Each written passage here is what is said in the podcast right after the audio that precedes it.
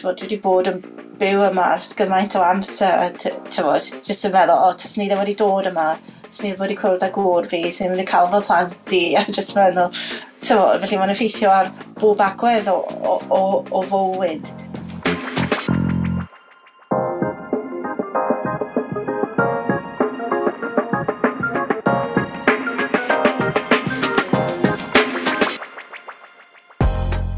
Helo a chroeso i hefyd, y podlediad am fywydau a phrofiadau dysgwyr Cymraeg, gyda fi Richard Nosworthy. Nawr, cyn i ni ddechrau, efallai bod chi wedi gweld ar-lein mae hwn bydd y penod olaf o'r podlediad am gyfnod. Ar ôl dwy flynedd a dros 20 o benodau, dwi eisiau cymryd saib er mwyn canolbwyntio ar brosiectau eraill. Os oes galw, dwi'n gobeithio dod yn ôl gyda mwy o benodau podlediad hefyd, yn hwyrach eleni. Felly, yn y cyfamser, rowch wybod am unrhyw un hoffech chi glywed ar y podlediad, a mwynhewch y penod yma yn ogystal â'r archif. Y mis yma, ein gwestai ni ydy Diana Luft, sy'n dod o Ganada yn reiddiol, ond erbyn hyn mae hi'n byw yng Nghyrdydd. Mae Diana wedi astudio'r iaith yn fanwl, ac mae hi wedi edrych ar lawer o hen ddogfennau, Please peidiwch dilyn y hen gyngor meddygol mae hi'n rannu o'r oesoedd canol. Heddiw mae hi'n gweithio fel cyfieithydd ac yn y sgwrs yma mae hi'n siarad am ei gwaith a'i phrofiadau o ddysgu Cymraeg. Dechrau ni gyda sgwrs am ei bywyd yng Nghanada.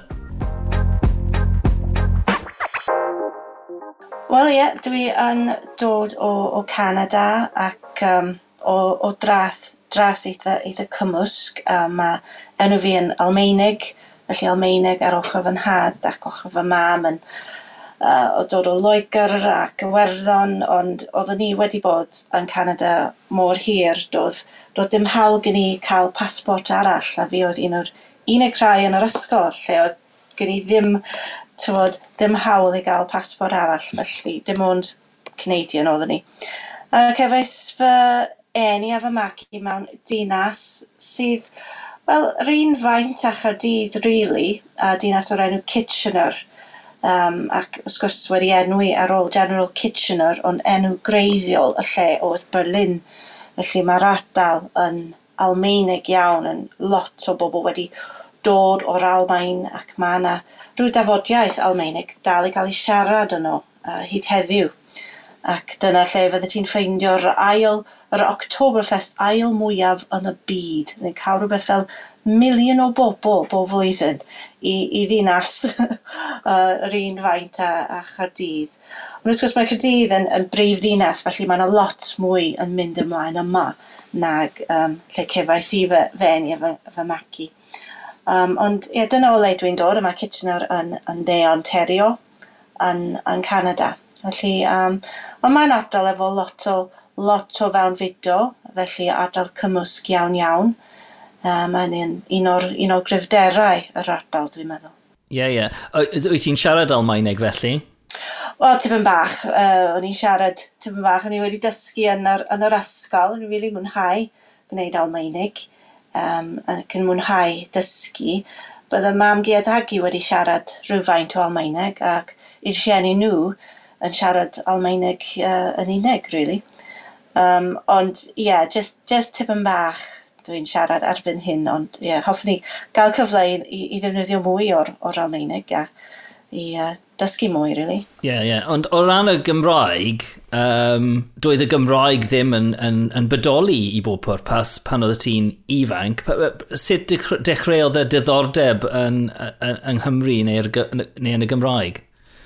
Wel ie, yeah, o'n i ddim ddim yn gwybod dim byd am am y Gymraeg really. Um, pan es i graddio o'r o'r ysgol um, uwchradd eis i Brifysgol Toronto i wneud gradd mewn uh, hanes a llenyddiaeth Saesneg ac yno uh, mi oedd nhw'n cynnig um, modiwlau a gradd mewn ystudiaethau Celtaidd felly dyna lle nath fy diddordeb really dechrau. Uh, yno, nes i gymryd modiwlau mewn Cymraeg canol. A felly Cymraeg canol oeddwn ni wedi dysgu yn gyntaf. Ac yn, yn tyfod, falle bydd hynny'n syndod i bobl yn oedd yn ddefnyddiol, oherwydd oedden ni'n gorfod dysgu y gramadeg. Felly, um, ac o'n i'n dysgu ieithoedd eraill ar yr un pryd. O'n i'n neud yn bach o Latin a Gwydelig. Felly, um, dwi'n wneud hynny, o'n i'n gallu dod i ddeall y gramadeg, y gramadeg y Gymraeg, sydd yn, yn debyg iawn i'r iaith fodern. Um, hyd yn oed um, heb gael cyfle i, i siarad yr iaith nac, nac i ddysgu yr iaith uh, fodern, doedd na ddim Cymraeg fodern yn cael ei haddysgu fel rhan o'r gradd yn Toronto bryd hynny. Um, dwi'n meddwl falle bod pethau wedi newid e, erbyn hyn. Ie, yeah, so dyna ffordd uh, eitha anghyffredin o ran dechrau dysgu Cymraeg, ond ydy, a, a pam, pam, pam, nes di, pam nes di dewis ieithoedd Celtoedd uh, yn y prifysgol? O, oh, oedden nhw jyst yn edrych yn, yn ddiddorol. Dwi'n siŵr oedden ni wedi cymryd uh, rai modiwlau mewn llenyddiaeth a'r llenyddiaeth Celtaidd a beth oedden ni'n darllen, o, oh, amrywiaeth fawr o, o, o, o bethau o'r Mabinogi i um, a leid y Marie de France i um, o, Walter Sir Walter Scott a wedyn uh, barddoniaeth o, uh, o Iwerddon yr Oesau Canol a'r toi, toi'n Bolcwnia o, o, o Werddon. Felly, drwy hynny nes i, nes i fagu diddordeb, dwi'n meddwl, wedyn yn yr, yn yr ieithoedd. Ond gweithio oedd yr unig iaith fodron oedden nhw'n cynnig, felly uh, nes i wneud rai modiwlau mae'n gwyddelig, ond oh, mae'n mae iaith anodd. Anoddach na'r Gymraeg felly? O ti, o di. Yn fy marn i, dwi'n meddwl ei fod yn lot fwy anodd na'r Gymraeg, ond falle oedd yn iaith oedd jyst yn... Dwi'n dwi meddwl bod rhai ieithoedd yn siwt o bobl, tywod, a rai ddim. Yr enghraifft pan, pan o'n i yn yr ysgol yn Canada, wrth gwrs, oedden ni'n gorfod dysgu Ffrangeg o'n i ddim yn dod ymlaen â Ffrangeg o gwbl. Dwi gallu darllen Ffrangeg yn ffain, ond just o ran siarad yr iaith. Ond Almaenig, oedd yn, oedd yn gweithio i fi rhywsut. Uh, dwi'n teimlo'r un peth am, am y Gymraeg a'r um, Gwyddelig. O'n i just... Ond eto, just twr, hoffwn i gael cyfle eto hefyd i, i wella'r gweddeleg sydd, sydd, gyda, sydd gyda fi. So. Yeah, yeah. uh, so, o ran um, siarad Cymraeg, um, you know, cynnal sgwrs, pryd pri dechreuais di wneud hynny? Wel, ar ôl i mi orffen fy gradd yn Prifysgol Toronto, cefais cyfle i fynd ymlaen i wneud um, studiaeth, astudiaethau o roddedig yn Prifysgol Harvard Ac pan es i yno, y cynllun oedd o'n i yn mynd i wneud pynciau gweiddielig, oherwydd dyna beth oedden ni wedi bod yn, yn dysgu yn Prifysgol Toronto. So, um, ond fel rhan o'r gradd hynny, cefais cyfle i ddod i Gymru i dysgu Cymraeg fodern, oherwydd y syniad oedd bod gymaint o waith ysgolheigaidd yn cael ei ysgrifennu yn Gymraeg fodern, mae'n syniad da i allu tybod, o leia darllen uh, y gweithiau hynny. Felly o leia darllen Cymraeg fodern felly es i fel rhan o'r gradd hynny i uh, gradd honno es i i um, i Lambed yn uh, uh, yn Ceredigion, yn Sir yn rhaid ar y ffin i i wneud uh, y cwrs ulpan uh, yno. Ac wrth gwrs ti ddim yn dod allan o'r cwrs ulpan yn gallu darllen yr iaith, ti'n dod allan o gwrs orffen yn siarad. A dyna beth nathon ni dysgu yno, sydd i siarad yr iaith. Ie, yeah, a ti a fi wedi wneud y cwrs yna, nes ti wneud e yn 98 dwi'n meddwl, nes i wneud yeah. yr un cwrs yn, yn 99, ond i bobl sy'n gwrando sydd ddim yn gyfarwydd, pa fath o brofiad ydy'r cwrs, o, neu oedd y cwrs um, dwys yna yn, yn Llambed, cwrs dau fus um, uh, uh, popeth yn Gymraeg Ie odd yn odd yn odd yn brofiad wych. Fel o't ti'n deud dwys dwys iawn. Ac ma'n uh, ma'n seiliedig dwi'n cymryd ar um, uh, sort of dullia dysgu iaith a ddablygwyd yn Israel dwi'n meddwl ar mwyn dysgu'r Hebraeg Um, ac mae wedi anelu at bobl sydd ddim really eisiau dysgu gramadeg, ddim diddordeb mewn pethau fel yna, maen nhw jyst eisiau dysgu i siarad yr iaith. Felly maen nhw jyst yn canolbwyntio ar siarad ac ar gwrando a clywed. Felly ti'n dysgu drwy, drwy glywed a drwy ailadrodd. Dys, ti ddim yn cael gweld y, y deunydd, ti ddim yn cael sgwennu, ti just yn gorfod defnyddio dy, dy clyw, dy gof, a wedyn dy hyder i siarad. Ac um, i ni, oedd yn yn y blwyddyn, yn y flwyddyn pan oedden ni yno, oedd yn brofiad wych, oherwydd oedd yna bobl o bob, bob a bedra'r ban byd yno, a pobl, ddigon o bobl, ddim, oedd ddim rydyn siarad Saesneg. Felly hyn oed ar ôl, tywod, ar ôl yn ei orffen ein hamser yn y dosbarth yn ystod y dydd, i fynd allan yn y nos, yr unig iaith mae'n gyffredin rhyngddyn ni oedd uh, Gymraeg. Ac wedyn oedd bobl Llambed y hunain, oedden nhw mor groesawgar ac oedden nhw mor falch o weld y bobl yn, tywod, yn dysgu Cymraeg. Mi fodd, fydden nhw mwy na pharod just i taro sgwrs da pawb, just i stopo a di, i helpu di gyda'r Gymraeg. Felly, um, oedd e'n brofiad wych ac um, o'n i erioed wedi disgwyl y byddwn ni'n dod allan o'r profiad hwnnw yn gallu siarad o'r iaith ni'n meddwl falle bydd modd i fi darllen yr gweithiau ysgolheigaidd sych yma. Ond na, nid dyna oedd wedi digwydd o, o gwbl, ond cefais profiad, profiad a lot well, dwi'n meddwl. Ie, yeah, ac o ran, uh, o ran dy fywyd di a o ran dod i Gymru, pa fath o brofiad oedd hynny? Achos oedd ti wedi bod yn darllen um, ac astudio'r Gymraeg um, canol, um, felly dwi'n cymryd bod ti wedi dysgu llawer am hanes Cymru, ond heb ddod i'r wlad, felly oedd hi'n brofiad od i ddod i Gymru ar ôl y profiad yna? Na, o'n i wedi uh, treulio cynrydd bod o amser yng Nghymru, o'n i wedi, uh, tyfod, um, uh, ar ôl wneud y cwrs olpan wedi dod yma yn aml iawn i wneud gwaith ymchwil yn y Llyfrgell Genedlaethol, a wedyn treulio rhyw chwe mis ym Mengor a rhyw fath o um, exchange oedd gyda ni. So o'n i wedi, o'n i wedi treulio credyd bod o amser yng Nghymru o'r blaen, ond um, yeah, mae, mae bob amser yn, yn, mae'n rhywbeth fawr i, i symud o un wlad i'r i wlad arall. Um, ond yn y bon, o'n i wedi wneud hynny yn berod. O'n i wedi symud o Canada i'r un o Daleithiau. Um, mae pobl yn meddwl, o, dyle hynny ddim fod yn rhywbeth fawr oherwydd maen nhw mor debyg. A mae hynny yn wir mewn, mewn rai, uh, rai ffyrdd.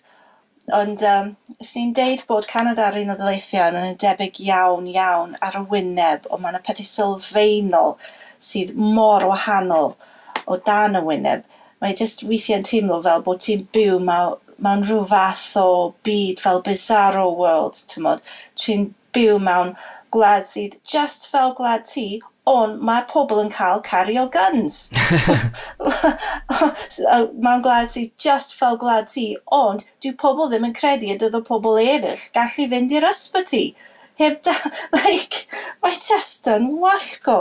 Felly, oedd symud o'r un o dyleithiau i Gymru ddim actually yn teimlo mor odd i mi, oherwydd er bod pethau'n wahanol iawn ar y wyneb, so lot o bethau wahanol iawn iawn, um, sort of mae'r pethau sylfaenol yn fwy debyg i'r i'r pethau o'n i wedi arfer iddyn nhw.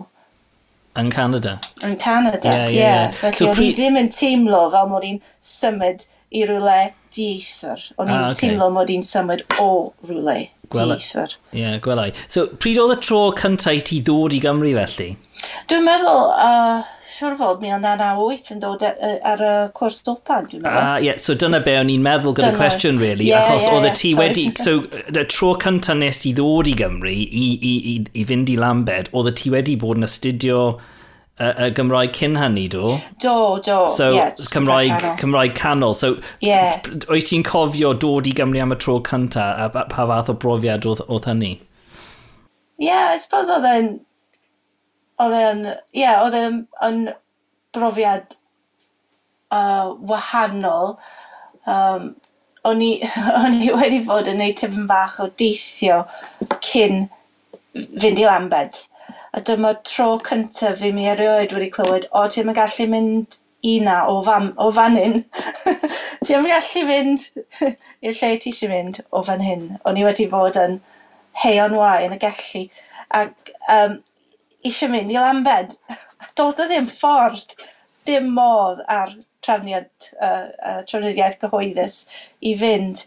Um, felly, ie, yeah, cefais, in all seriousness, you can't get there from here.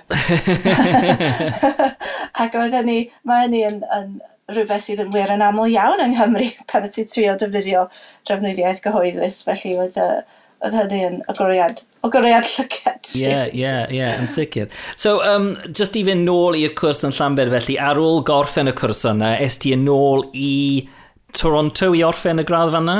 Na, i, i Boston. I, Sorry, i Harvard. I Bo yeah, so, yes, i Boston. Boston wedyn.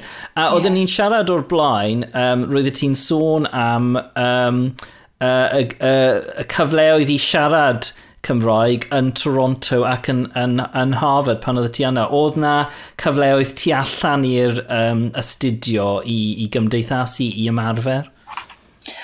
Um, nid cymaint yn Toronto, pryd hynny, dwi'n meddwl bo bod yna mwy erbyn hyn, ond um, ie, yeah, yn, yn Boston, mi oedd yna crew o bobl oedd yn afer mynd i'r dafan bob nos fercher i siarad Cymraeg, a ma'n mi fydden nhw'n adnabyddus i unrhyw un sydd wedi uh, dysgu Cymraeg yn ardal Boston, yn yr ardal o'n nhw. Um, crew o, o ddynion, um, o Geredigion dwi'n meddwl, dyn nhw gyd. Un o Lambed, yn Lambed, un o Lanon, um, un o uh, Abereiron ac un o Drygaron. Ac oedd yn, yn wych, tymod, oherwydd, tymod, mi fyddwn ni'n sôn am, am Gymru a materion Cymreig yn aml iawn, ond hefyd oedd yna gyfle jyst i siarad am bob math o, o bethau eraill, jyst cyffredinol, tymod, chwaraeon, stock market, prisiau tai, gwleidyddiaeth, just, tymod, y math o sgwrs fydde ti'n cael bob dydd.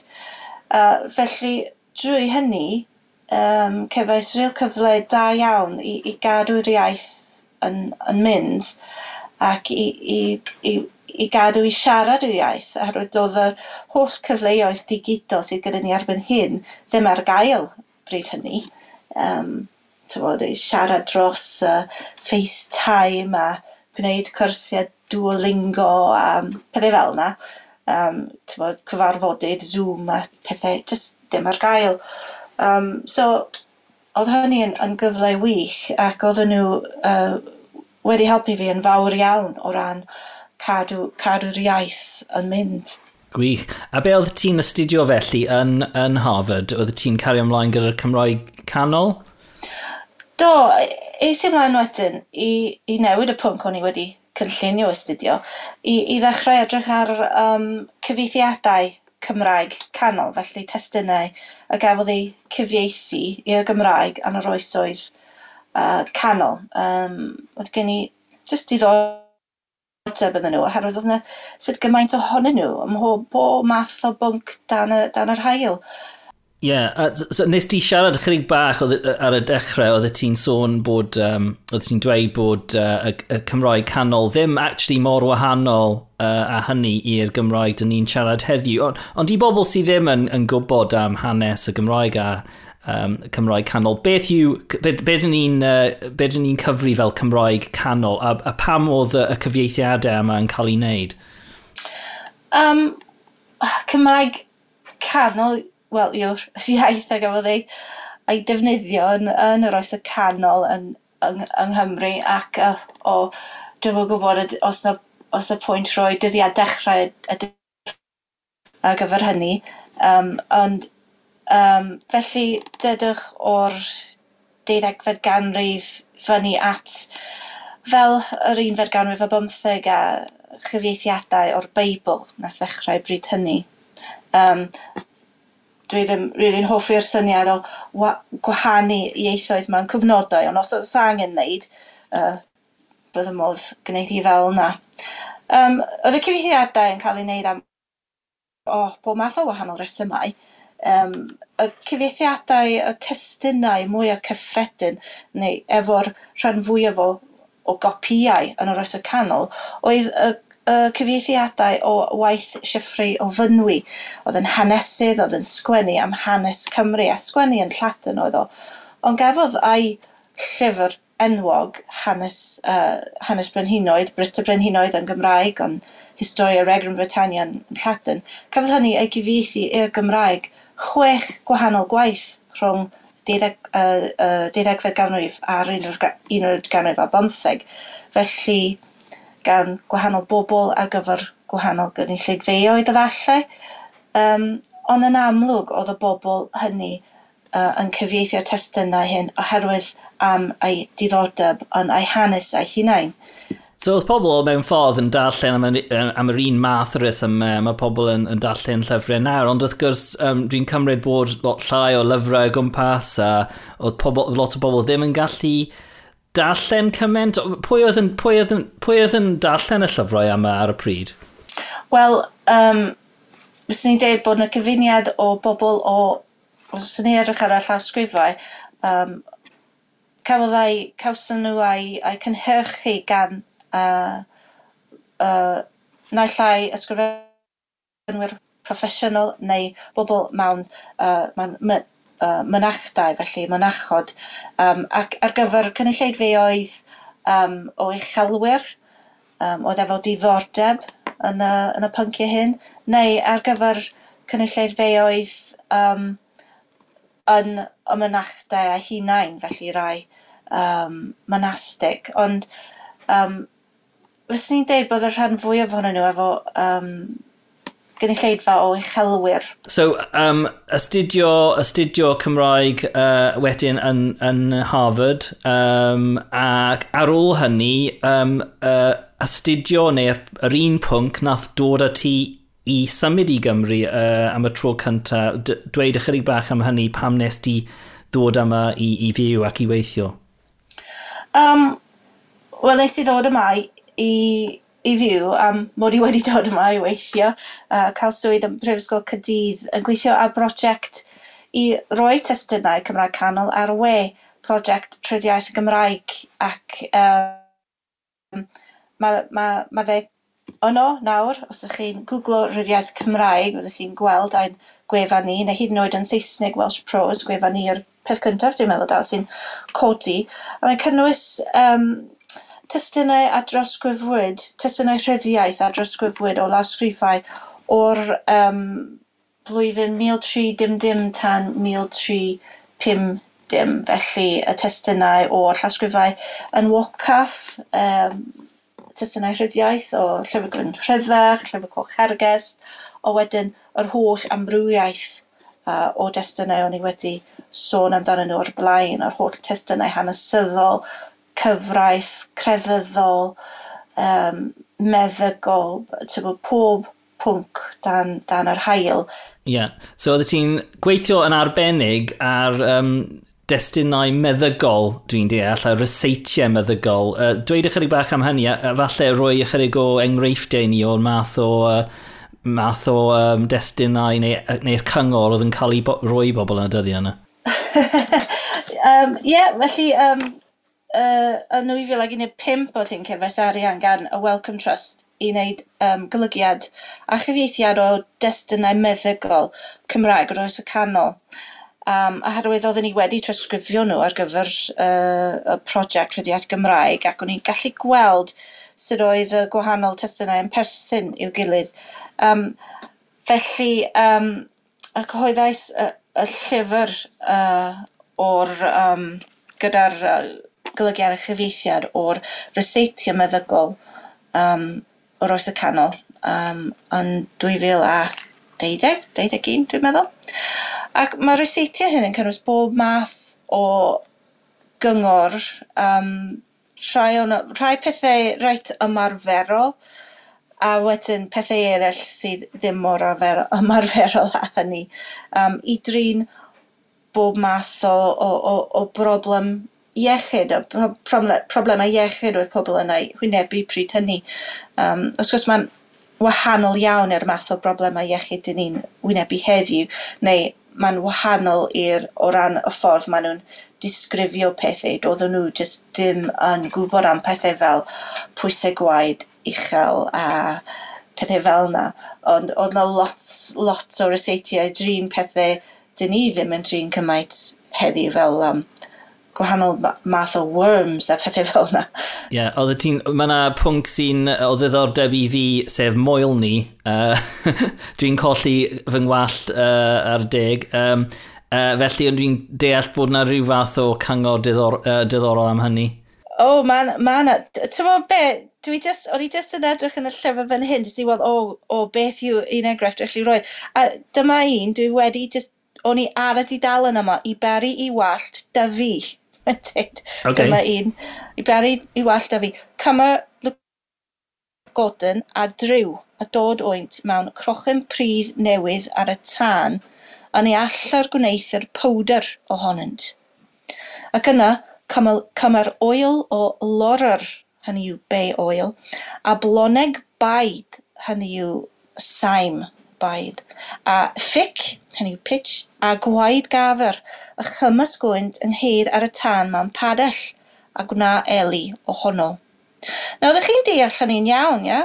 Uh. Wel, rhan fwyaf, mae hwnna chydig o eiriau anodd, ond yna bôn... Yeah. Uh, Cymraeg canol oedd ni. O, oh, okay. So, uh, uh, i, i, i helpu ni deall uh, all di gyfieithu i'r Gymraeg modern.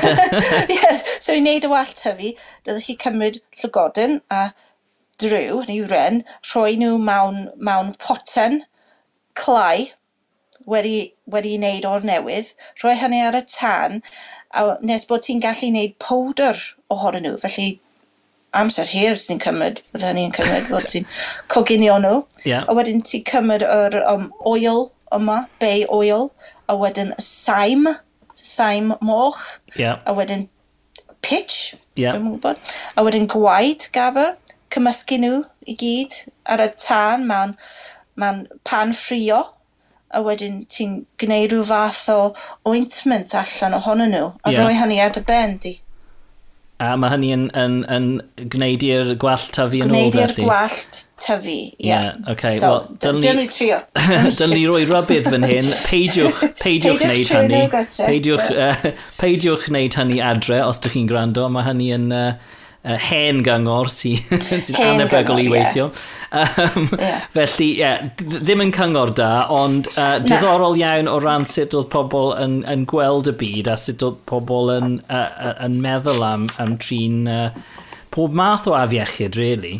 Ond sicr, ie. Yeah. Ie, yeah, ie. Yeah. Uh, o ran uh, dyfywyd personol te, wrth gwrs oedd y, y prosiect y gwaith wedi dod ati i Gymru, Ond um, nes ti sôn ychydig bach am, am y ffaith bod Cymru uh, falle ddim mor wahanol i Canada. Um, ond uh, oedd yn hawdd i setlo mewn i fyw yng Nghyrdydd, i, i fyw yng Nghymru?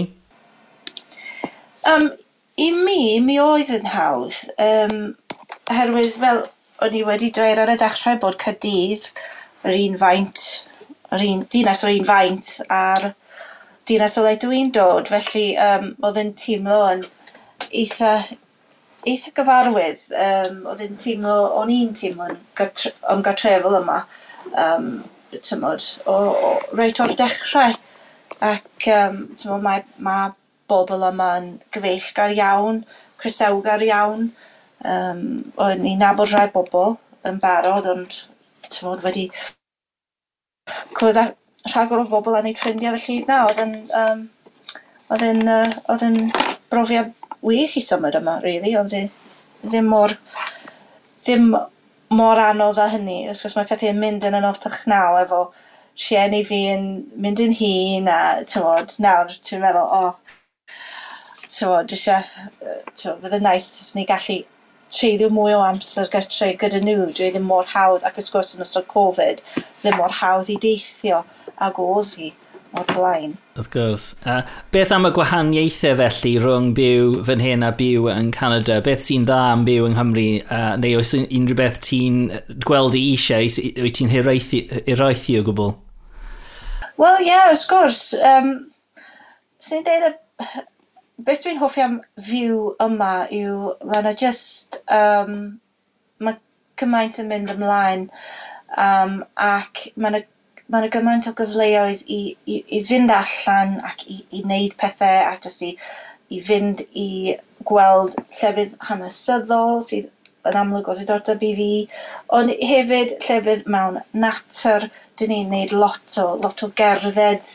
Fe gyda o'r holl mapio OS ar fy ochor a tyfod yn neud yr holl cerdded ar hyd y lwybrau cyhoeddus ac yn y blaen yn Tyma, mae pobl yn meddwl o Canada, tyma, llefydd, lle mawr iawn efo lot o natur, ac mae ni'n wir, ond ti, ddim jyst yn gallu mynd a cerdded ar llwybrau cyhoeddus fel bod ti'n gallu gwneud fan hyn. Tymod, o le dwi'n dod, mae'r mae ma tir i gyd yn just ffermydd yw e, a ti, ti just ddim yn cael cerdded, tymod, y draws tir pobl eraill. Ti, um, does e just ddim cyfleoedd i wneud pethau fel yna. Ac wrth gwrs mae na hanes hir gan Canada hefyd, ond uh, bod, fel rhywun o dras sydd wedi symud i Canada, wedi goresgyn o bobl yno, doeddwn ni ddim rili'n really teimlo mod gen i'r hawl i, um, sa'n mod, i, um, nid i ym, ymchwilio i'r hanes ond falle i chwilota i'r hanes hynny i just um, um, tymo just ie yeah, chwilota yw'r gair dwi'n meddwl just i i, i, i fod eisiau gwybod am y peth am resymau um, just chwilfrydedd. Dwi e ddim yn, ddim yn ddigonol rhywsut. Ie, yeah, Yeah, o'i ti wedi dysgu llawer am hanes uh, pobl brodorol uh, Canada? Ah, nid, nid cymaint ag o'n i'n hoffi, oeddwn i ddim yn dysgu dim byd yn yr ysgol, really, heblaw am rai, oeddwn i'n neud rai um, beth o'n nhw'n galw nhw fel folk tales ac yn y blaen, ond o ran y hanes, na, bron, bron dim byd, dim, o, dim ond sut oedd y gwahanol bobl brodorol yn um, yn cymryd rhan yn y rhyfeloedd rhwng y Ffrancwyr a'r Saeson yn Canada a pwy oedd yn cyfnogi pwy, ond nid ei hanes ei hunain. Eto, dwi'n meddwl mae pethau wedi gwella yn, yn fawr o ran hynny um, mewn ysgolion erbyn hyn, um, ond na pan o'n i'n ifanc, um, doeddwn ni ddim. O, oh, right, okay. Wel, um, oes unrhyw beth ti'n gweld eisiau uh, yng Nghan heb am teulu wrth gwrs a, a ffrindiau, ond uh, am byw yng Nghanada oes, oedd unrhyw beth bydde ti'n hoffi trawsblannu dros yr ewerth. um, o, oh, dwi'n dwi, dwi siŵr, uh, dwi siŵr bod na. Um, mae, mae hynny, uh, mae hynny'n yn, yn, yn dod i'r amlwg yn aml iawn yn ystod y tywydd oer a garw. A dwi hynny ddim yn benodol i Gymru, ond mae'n rhywbeth sydd yn benodol i Loegr hefyd, dwi'n meddwl, ac felly, falle yn fwy i Loegr hyd y gwni, dwi'n meddwl.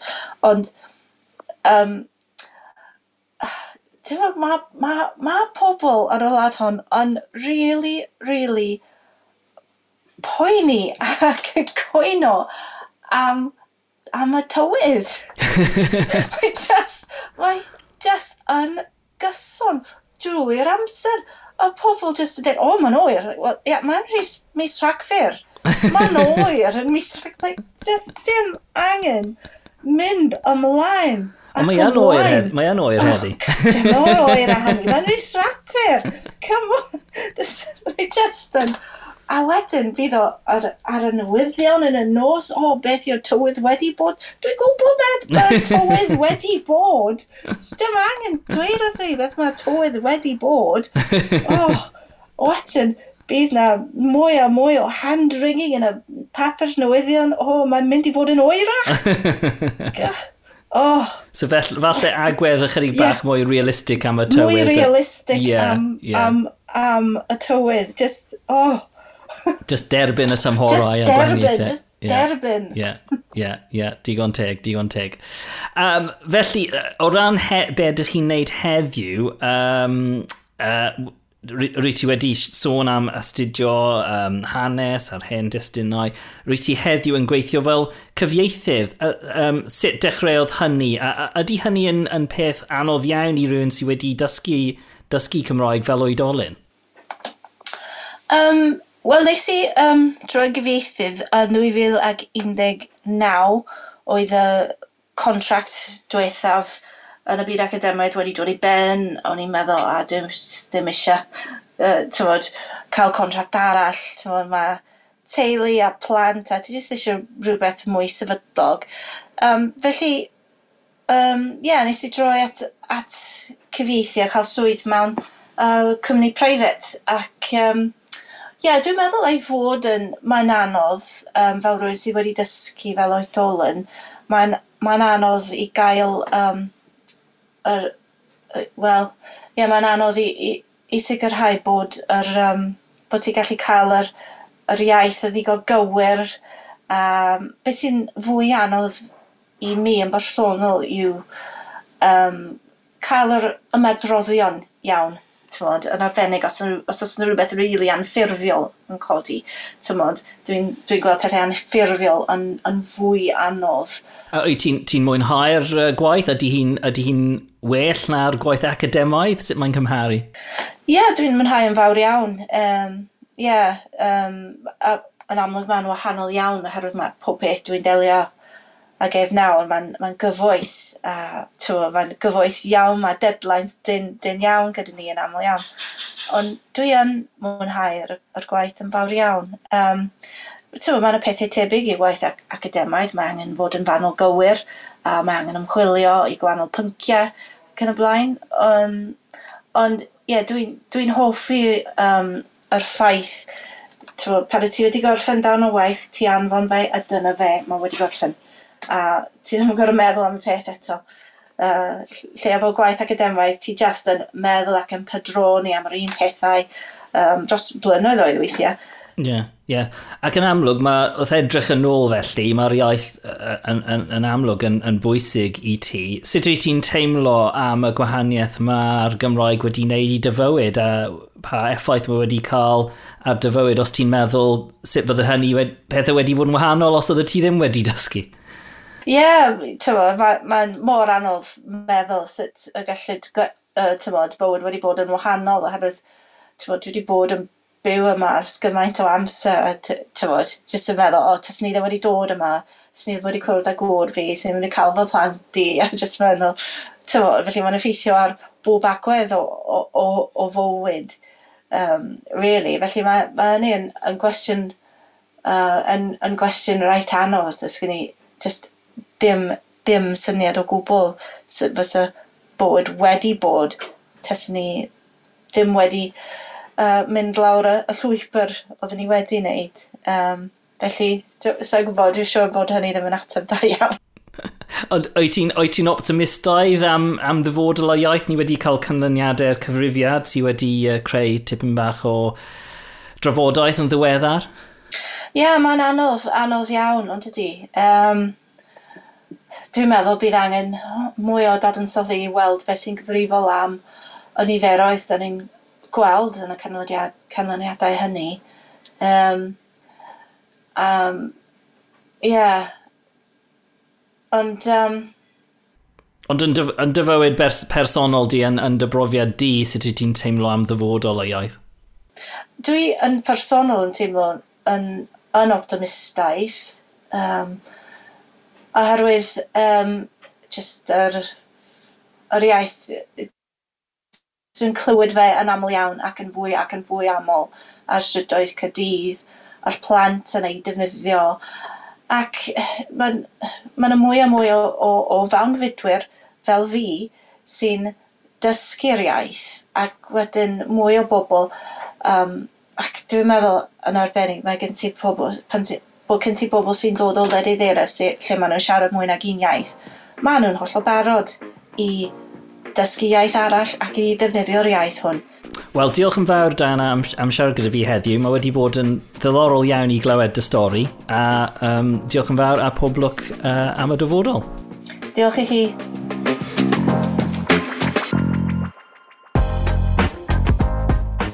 Wel, diolch i Diana am siarad gyda fi. Os ydych chi wedi mwynhau'r penod yma, tan ysgrifiwch ar eich hoff app er mwyn clywed y penod nesaf pan mae'r podlediad yn dod yn ôl. Tan hynny, hwyl fawr a diolch am rando.